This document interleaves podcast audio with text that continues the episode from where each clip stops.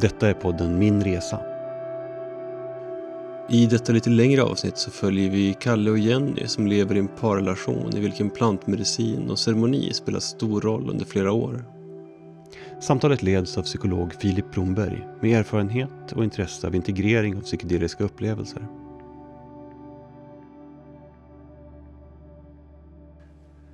Välkomna till podcasten Kalle och Jenny. Tack. Det här känns, det känns väldigt roligt att ha er med. Mm. Ehm, Jag börjar med att fråga hur, eh, hur det kommer sig att eh, ni vill göra det här och ni får gärna svara en i taget. Och jag börjar med att fråga Jenny. Eh, alltså jag vi fick ju frågan av en, en vän som, som eh, föreslog att vi skulle vara med. Eh, och Eh, jag kände väl ganska direkt att det var lät intressant på grund av att jag tycker att... Alltså jag delar gärna med mig av, ehm, av det här för att det finns mycket stigma fortfarande kring eh, plantmedicin och det finns mycket förutfattade meningar som, som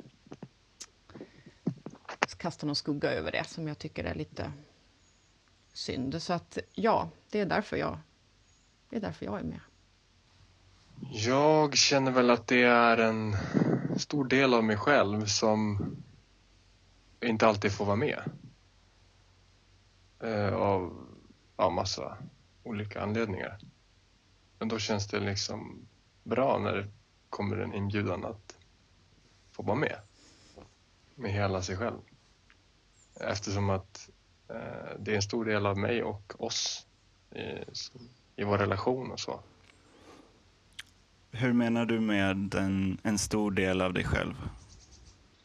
Eh, Det har under snart tio års tid varit liksom min kompass. Eh, Och det är en ganska viktig, liksom, ett, ett bra verktyg när man navigerar i livet. Och liksom en av de grundläggande grejerna som, som jag har i min verktygslåda. Så ni berättade för mig tidigare att Kalle, att du fick en, eh, en ayahuasca-ceremoni i 30-årspresent av, av Jenny. Var det ungefär tio år sedan? Nej, det är faktiskt åtta år sedan. Ja, så det är faktiskt... Nästan, ganska exakt åtta år sedan, för du fyller ju år snart. Ja, det var i augusti. Ja. I augusti blir det åtta år sedan. Mm. Så det är sen åtta år. Mm. Så Och det, jag vill tillägga att det var ju inte någon överraskning som jag nej. slängde in honom i, utan jag frågade innan om får jag lov att ge dig det här i 30-årspresent? Och fick ett väldigt snabbt, som jag minns det, ett snabbt svar. Ja. Mm. Hur kommer det sig Jenny att du ville ge det här till Kalle? Alltså vi hade väl varit ett par, ett par år då, va? Lite mer kanske. Tre år. Tre år ungefär. Och, ehm, alltså det var ju en, en bra relation så, men jag, men jag tror att för min egen del så... Eh, jag hade ju varit själv redan alltså varit andligt intresserad väldigt länge, sen jag var 23, så att det här var ju... Ja, det var ju många år. Men jag hade aldrig riktigt liksom försökt att pusha in Kalle på den vägen, för att han hade väl inte riktigt varit där och nosat så som jag hade gjort då. Ehm, så att jag tror att jag, jag kände att det här var någon slags öppning. För jag visste att Kalle var intresserad av psykedelia. Så jag tänkte att det här kan ju vara en öppning kanske också att få in det andliga i livet på ett sätt som Kalle skulle tycka var spännande. På vilket sätt, Kalle, var psykedelia en del av ditt liv innan det? Det var väl eh, ett av många äventyr. Eh, att liksom ja, men, spänna bågen ordentligt och fascineras. Eh, utforska liksom någonting väldigt nytt och extremt. Eh, vilket är ett mönster som går igen i mitt liv, alltså som har funnits i mitt liv sedan länge. Och hur ser du på det ehm, utforskandet jämfört med det som har skett senare? Ja, men det var väl... Eh, det var några år innan eh, vi gjorde den här första ayahuasca-ceremonin som jag kände att det, det liksom... Ja, men det, man kände, jag började känna mig lite som ett barn som leker med elden. Eller att man, man håller på med något som, som man inte ska leka med på det sättet. För att det finns liksom... Ja, men det kändes inte rätt helt enkelt.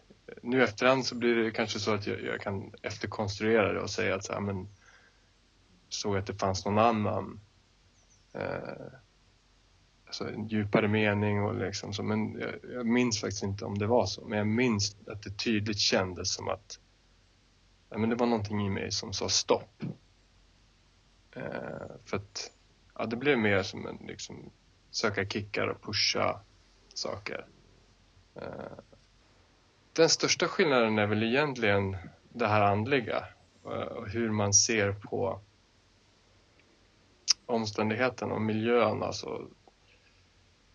För egentligen så handlar de här ceremonierna som, som, jag, som vi är med i, de handlar ju egentligen inte så mycket om själva plantmedicinen utan det handlar om att du håller space tillsammans där allt är tillåtet och det är heligt eller det är vad man nu vill kalla det för, ett, en plats där folk vågar öppna sig, öppna hjärtat eller vad man nu vill säga att man gör.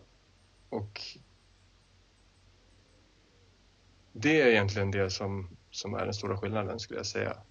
Och sen då att ta in plantmedicinen i ett sånt space, det, det blir liksom väldigt bra. Men det i sig är också bra. Det som du talar om med den här containern och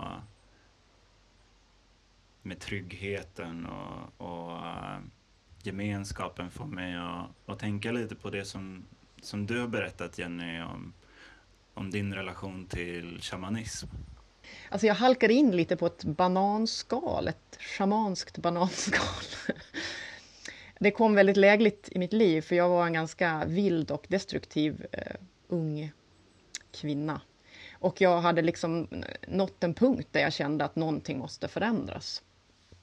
Eh, och eh, jag kan tänka tillbaka på det faktiskt ibland idag, att, för att jag hade den känslan så starkt trots att jag var så ung.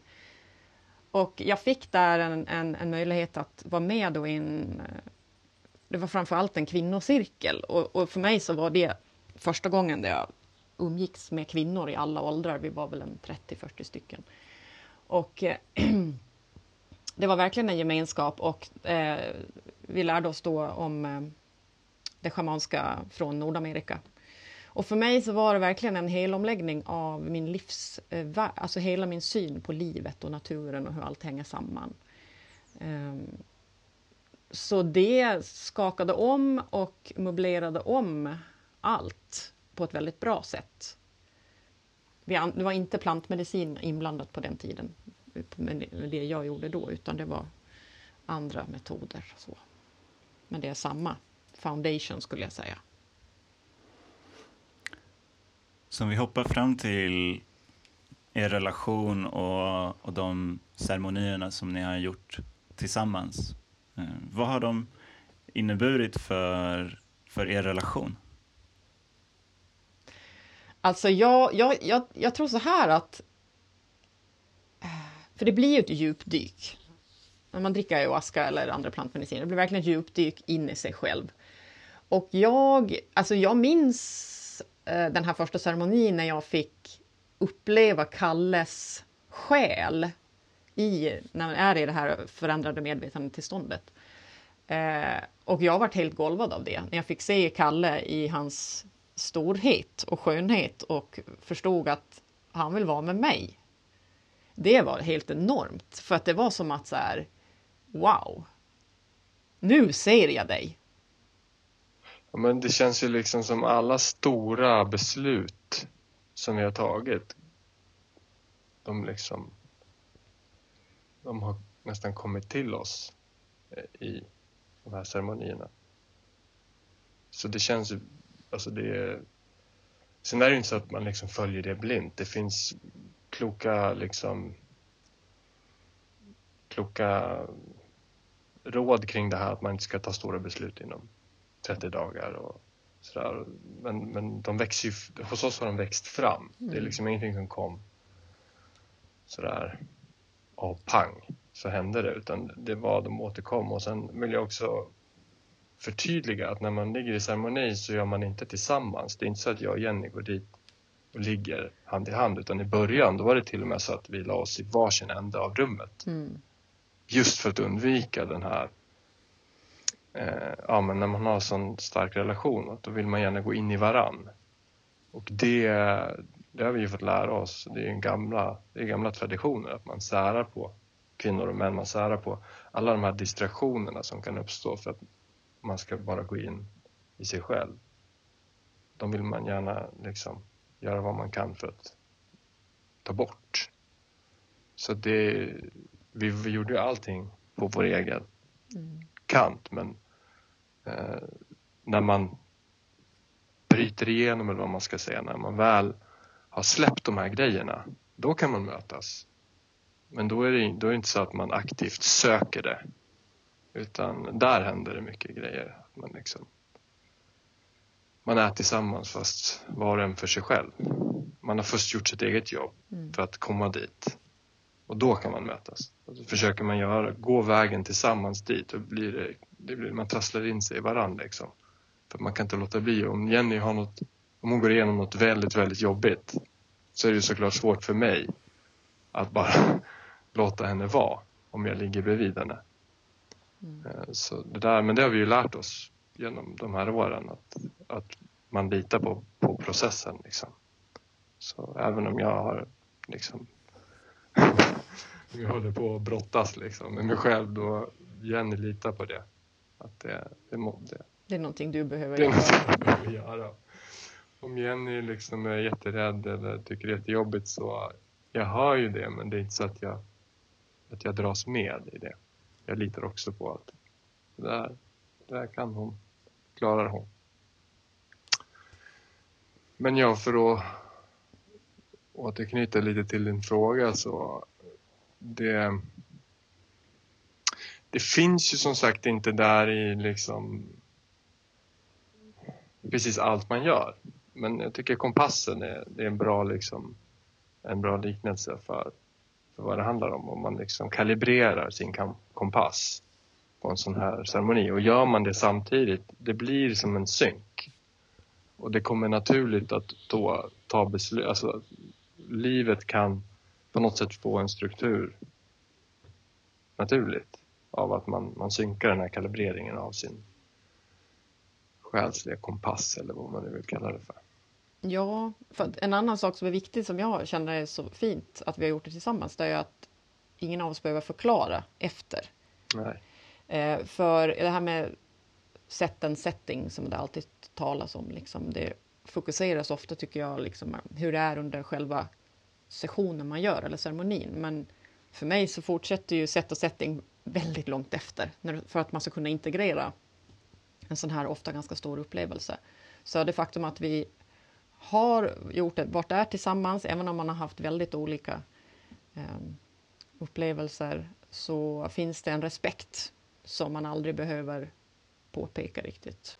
Under, efter en sån här ceremoni då, eh, dagen efter så har man ofta en, en cirkel där man, om man vill, delar delar av sin upplevelse och kan få liksom feedback på det och sådär. Och det är ofta det kom, liksom, när folk har totalt liksom känner att de har vaknat som människa. Då är en av de första stora frågorna bara hur ska jag ta hem det här till min relation? Och då blir man påmind om att liksom, och då, då är det många som säger också wow, eh, det här är ju fantastiskt att ni kan göra det här tillsammans. Så det är uppenbara fördelar. Men det är inte bara enkelt heller. Utan det kan komma liksom rädsla att om Jenny tar liksom, om hon går igenom en, en enorm leap i sin eh, liksom personliga resa, då kan jag bli rädd för att förlora henne. Liksom. Kan jag hålla, kan jag, är jag värdig att, liksom, att, att vara en del av hennes resa? Kan jag stötta den eller blir jag rädd och vill liksom hålla tillbaka henne till exempel?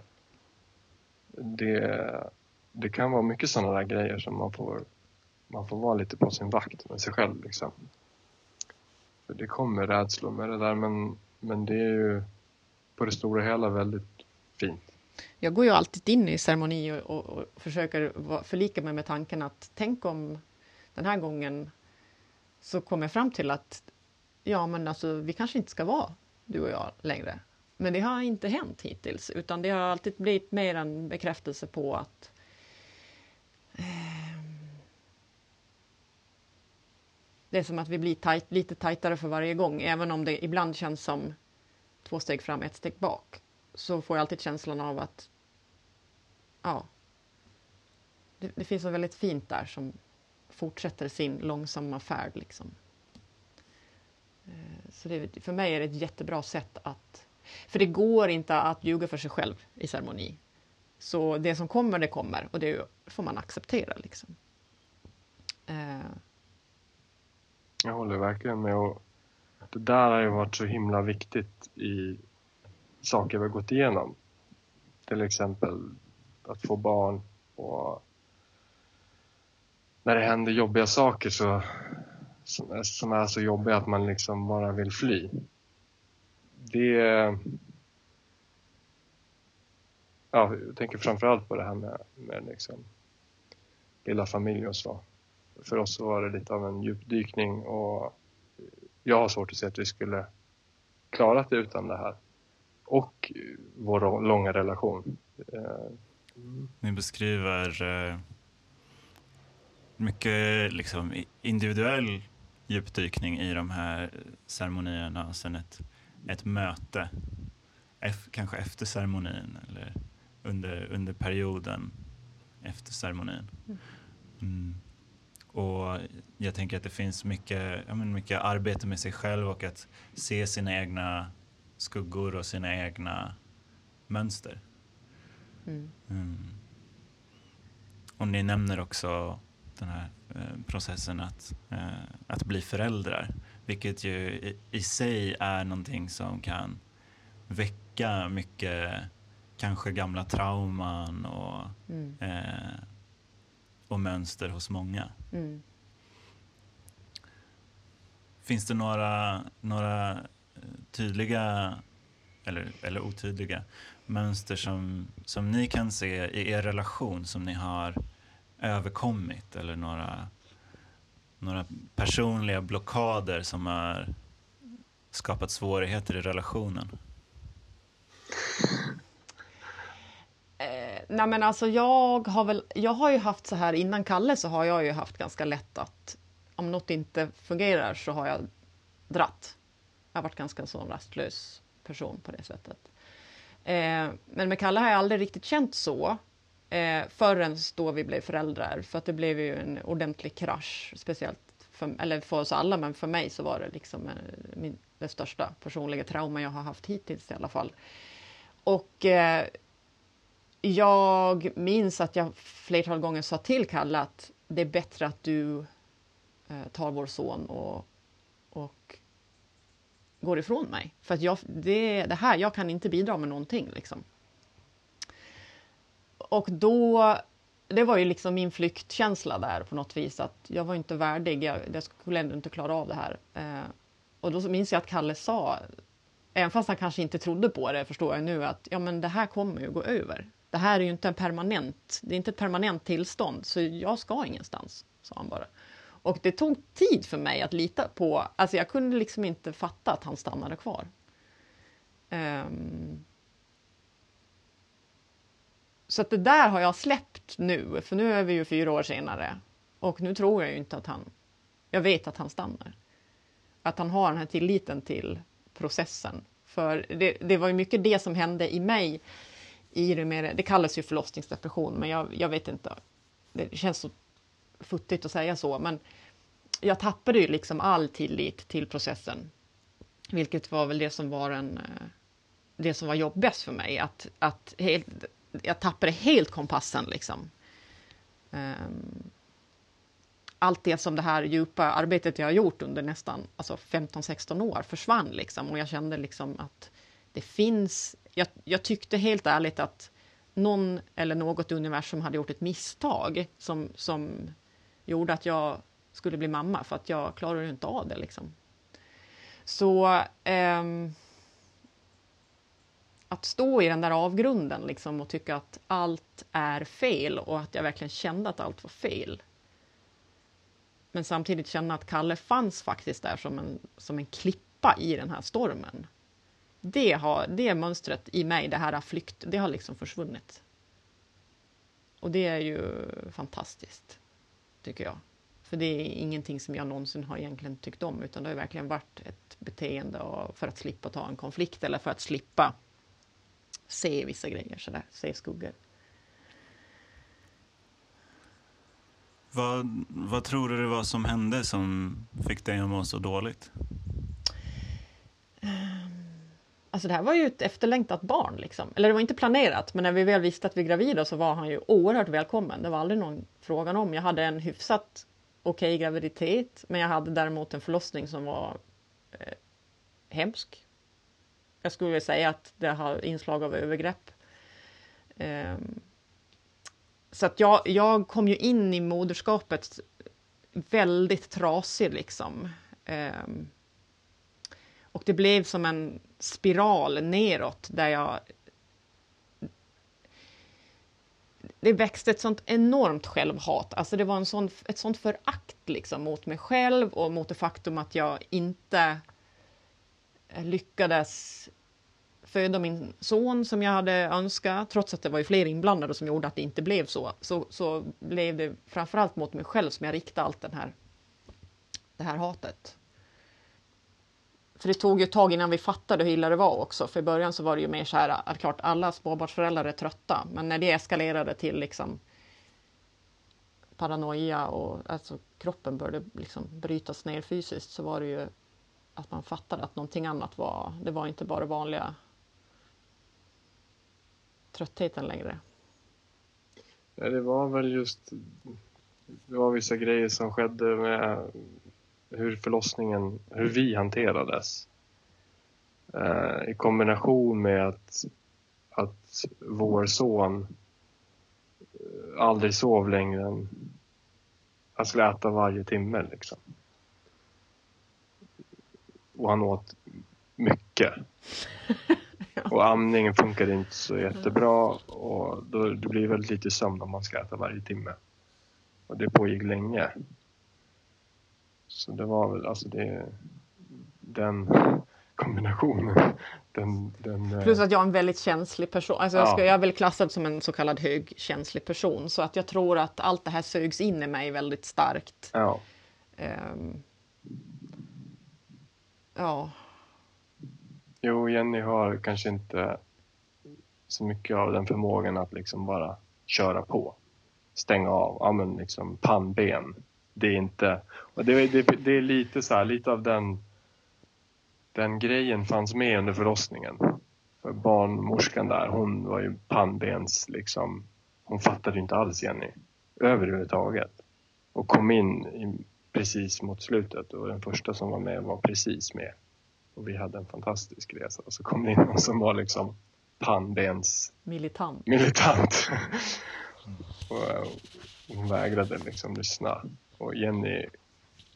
Ja, jag har, jag har lite mer av det där i mig. Än, så, så jag har liksom på gott och ont förmågan att stänga av mig själv. Vilket är faktiskt ett mönster jag har jobbat med, apropå din fråga. Eh, men det var ju kanske Ja, det var ju bra att, att det fanns. Jag, jag stängde ju av lite grann där. Och eh, fick hjälp av ceremoni. För att sen jag, skulle, jag var avstängd i, jag vet inte hur länge. Flera år. För, ja, för att, sen vägen tillbaka började med att Jenny fick gå in i gå tillbaka och börja med det här. Men då fick jag ta hand om vår son och sådär. Eh, så jag fick vänta längre. Men då var det ju, ja, det var ju svårt. För jag har också det där mönstret att jag har haft förmågan att stänga av och bara liksom navigera i livet så. Och jag, både av Jenny och av ceremonin har lärt mig att framförallt kanske själva känslan av att vara öppen har kommit till ceremonin men sen integreringen så har Jenny funnits där för hon är extremt öppen som person. Men det är ju inget, alltså det är liksom en det här cirkulära, det är en, allt är process, det fortsätter. Det är inte så att liksom, ah, nu är jag färdig. Utan eh, man glömmer bort grejer och börjar om från början, ibland längre bort än vad man var från början. Alltså, men det är någon, någon form av cirkel som blir mer komplett. Där man liksom blir lite i alla fall mer medveten om sina mönster. Eh, och kan vara närvarande i dem. Mm. Uh, Jenny, jag blir uh, nyfiken på vad som hände den där ceremonin. Den första efter, ja. efter förlossningen. Och ja, precis. Hur kändes det att, att gå in i, i, den, i den processen? Alltså framförallt så var det ingenting som, som eh, hände direkt utan jag försökte ju lite på egen hand först komma till rätta med mig själv och jag vet att jag pratade med någon terapeut och jag gjorde några extremt misslyckade nitlottsbesök till vårdcentral som skickade hem mig med kortison och sådär. Så till slut så var jag bara så matt och hade kommit till en punkt där jag liksom bara kände att jag, inte, jag ville liksom inte leva längre. Så det var liksom att nu, det här går inte. Och då fattade jag att vi måste göra någonting. Och av någon anledning, på någon, vi hade, det var inte så att vi hade diskuterat att jag skulle åka på ceremoni förrän det kom till ett skarpt läge där situationen var så jädra... Alltså det var bara så dåligt. Och, och då skulle det ju bli, för jag ammade fortfarande och det här var alltså midsommar. Vår son var då åtta månader. Då. Så att, för att då skulle ju hela familjen behöva åka då och så var det bröstpump och det var, nej men det var liksom en hel, ett helt maskineri som skulle fungera. Men vi gjorde det. Och eh, Alltså jag minns att jag var rädd för jag kände så här, om inte det här hjälper, var, vart vänder jag mig då? Var ska jag liksom vända mig då? Och jag tror, alltså det var ju tur att jag haft redan då en lång relation med ayahuasca. För det känns verkligen som en relation. Ehm, så jag kände någonstans i hjärtat att det här, här finns det liksom en öppning. Men jag var så fysiskt väldigt, väldigt svag och hade ju eksem och klåda över hela kroppen och jag kunde inte äta någonting nästan för allt skapade allergisk reaktion så att jag var i jättedåligt skick. Men det som hände Ja, det är svårt att förklara i ord, men det blev som att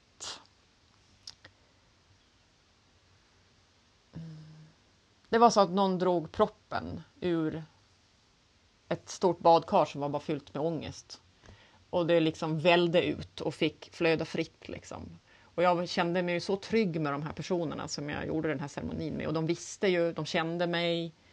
Så jag kände mig så hållen och eh, jag kunde verkligen vara i den här släppa fri den här sorgen och den här ångesten som fanns liksom, utan att behöva känna att jag skulle hålla någonting tillbaka. Eh, och upplevelsen var ju helt enorm. Om man ska förklara det liksom i ord som som vi till dagligdags använder så var det som att jag fick en eh, reset. Hela min kropp, hela mitt väsen fick en reset. Och jag såg, jag gick igenom hela min kropp och rensade bort liksom, ja.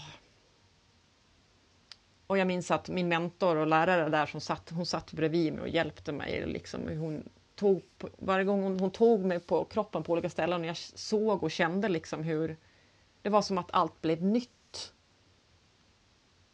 Det var som en på nytt födelse på ett sätt, en, en sån otrolig release av eh, energi. Um, och jag minns att, för vi hade också en nära vän som var med som inte deltog i ceremonin, men han bodde i samma stuga då som Kalle och vår son bodde. Och jag minns att han sa till mig morgonen efter så här att jag hörde att du skrattade efter ceremonin.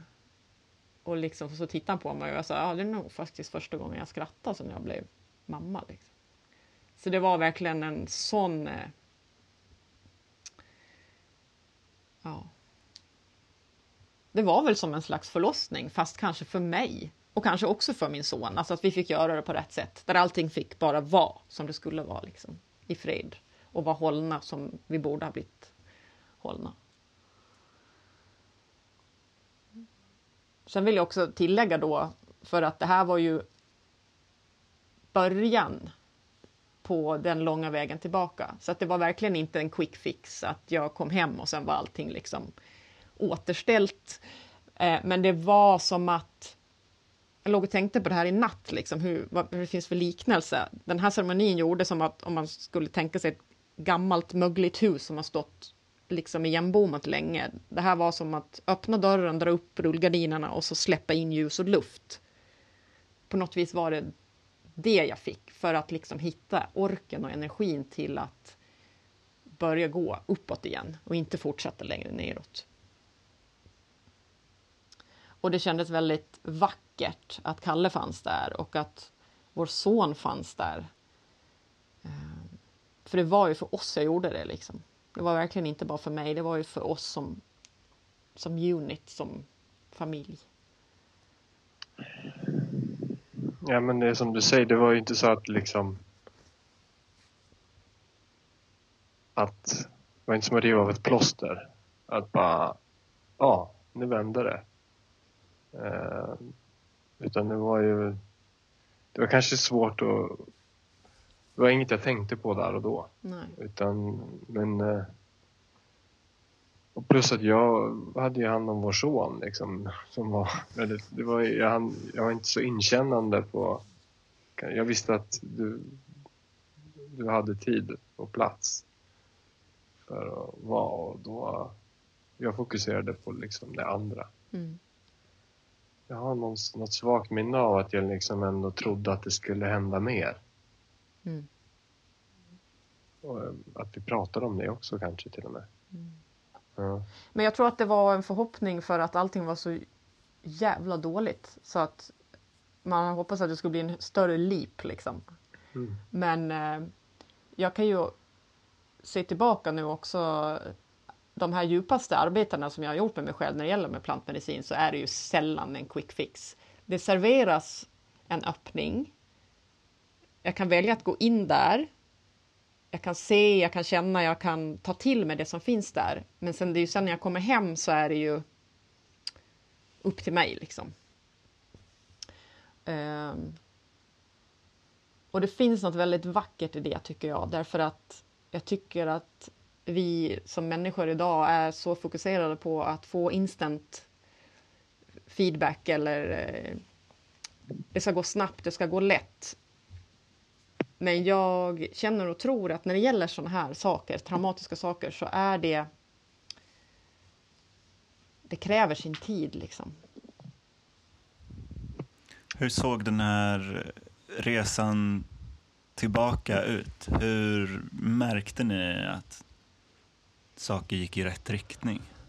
Uh, ja, jag började få bukt med mina fysiska, alltså det här med eksem och klåda och grejer, fick, det var väl det första sto stora som hände kanske, att jag fick faktiskt träffa på en läkare som lyssnade på mig och som hjälpte mig på riktigt. Eh, och sen, för det, för det var ju liksom, allt var ju en kedjereaktion i och med att jag inte sov kanske på, alltså på två år så sov jag ju, alltså sov så lite. Och eh, mitt nervsystem var ju så överspänt liksom. Så alla de här sakerna, liksom, när, jag, när det kunde sluta klia, så kunde jag börja äta, kroppen kunde slappna av, jag kunde börja sova.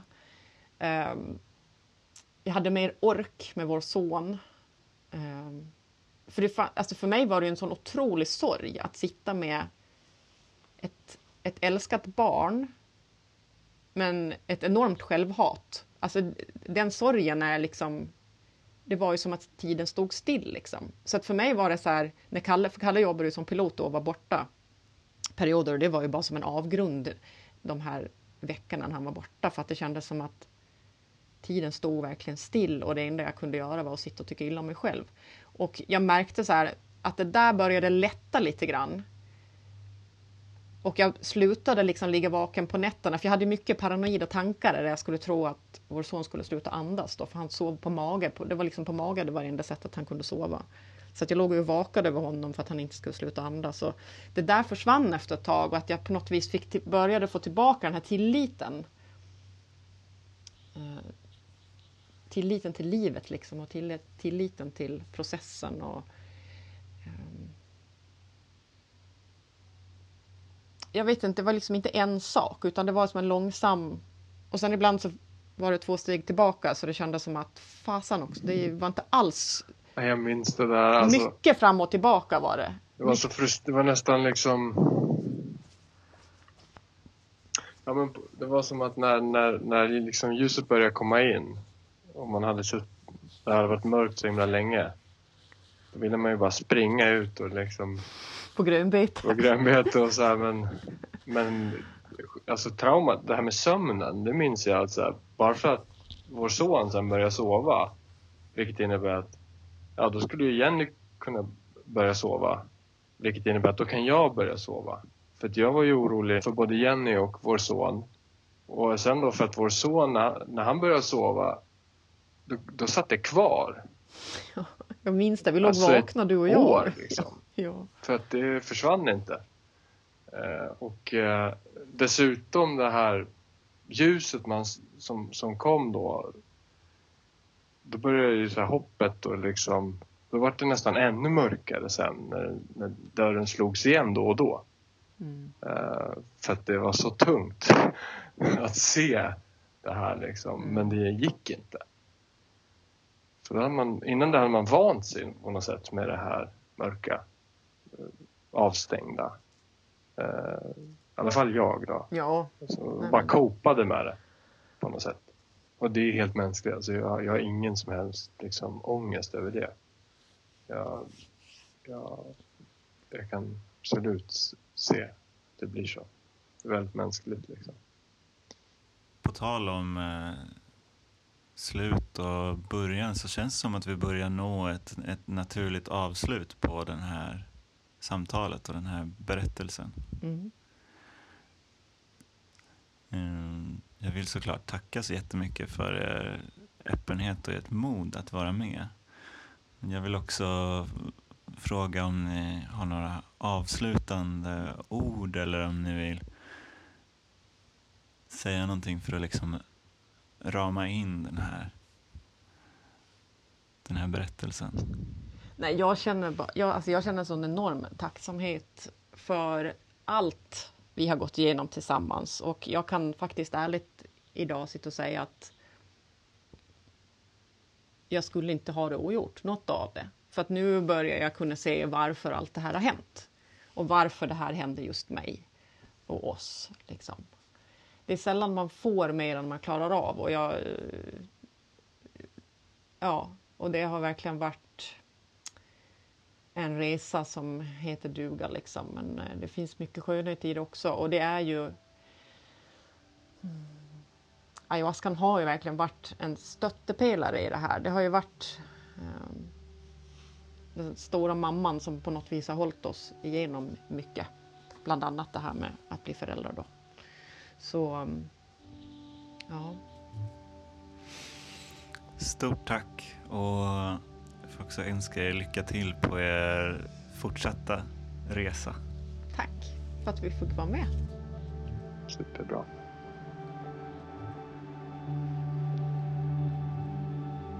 Du har lyssnat på podden Min Resa som produceras av företaget Nysnö, svensk expertis inom psykedelika.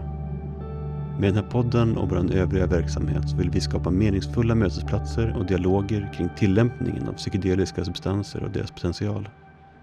På vår webb www.nysnö.se kan du läsa mer om oss och vad vi gör. Vill du vara med i podden? Börja berätta om din resa på www.nysnö.se podden.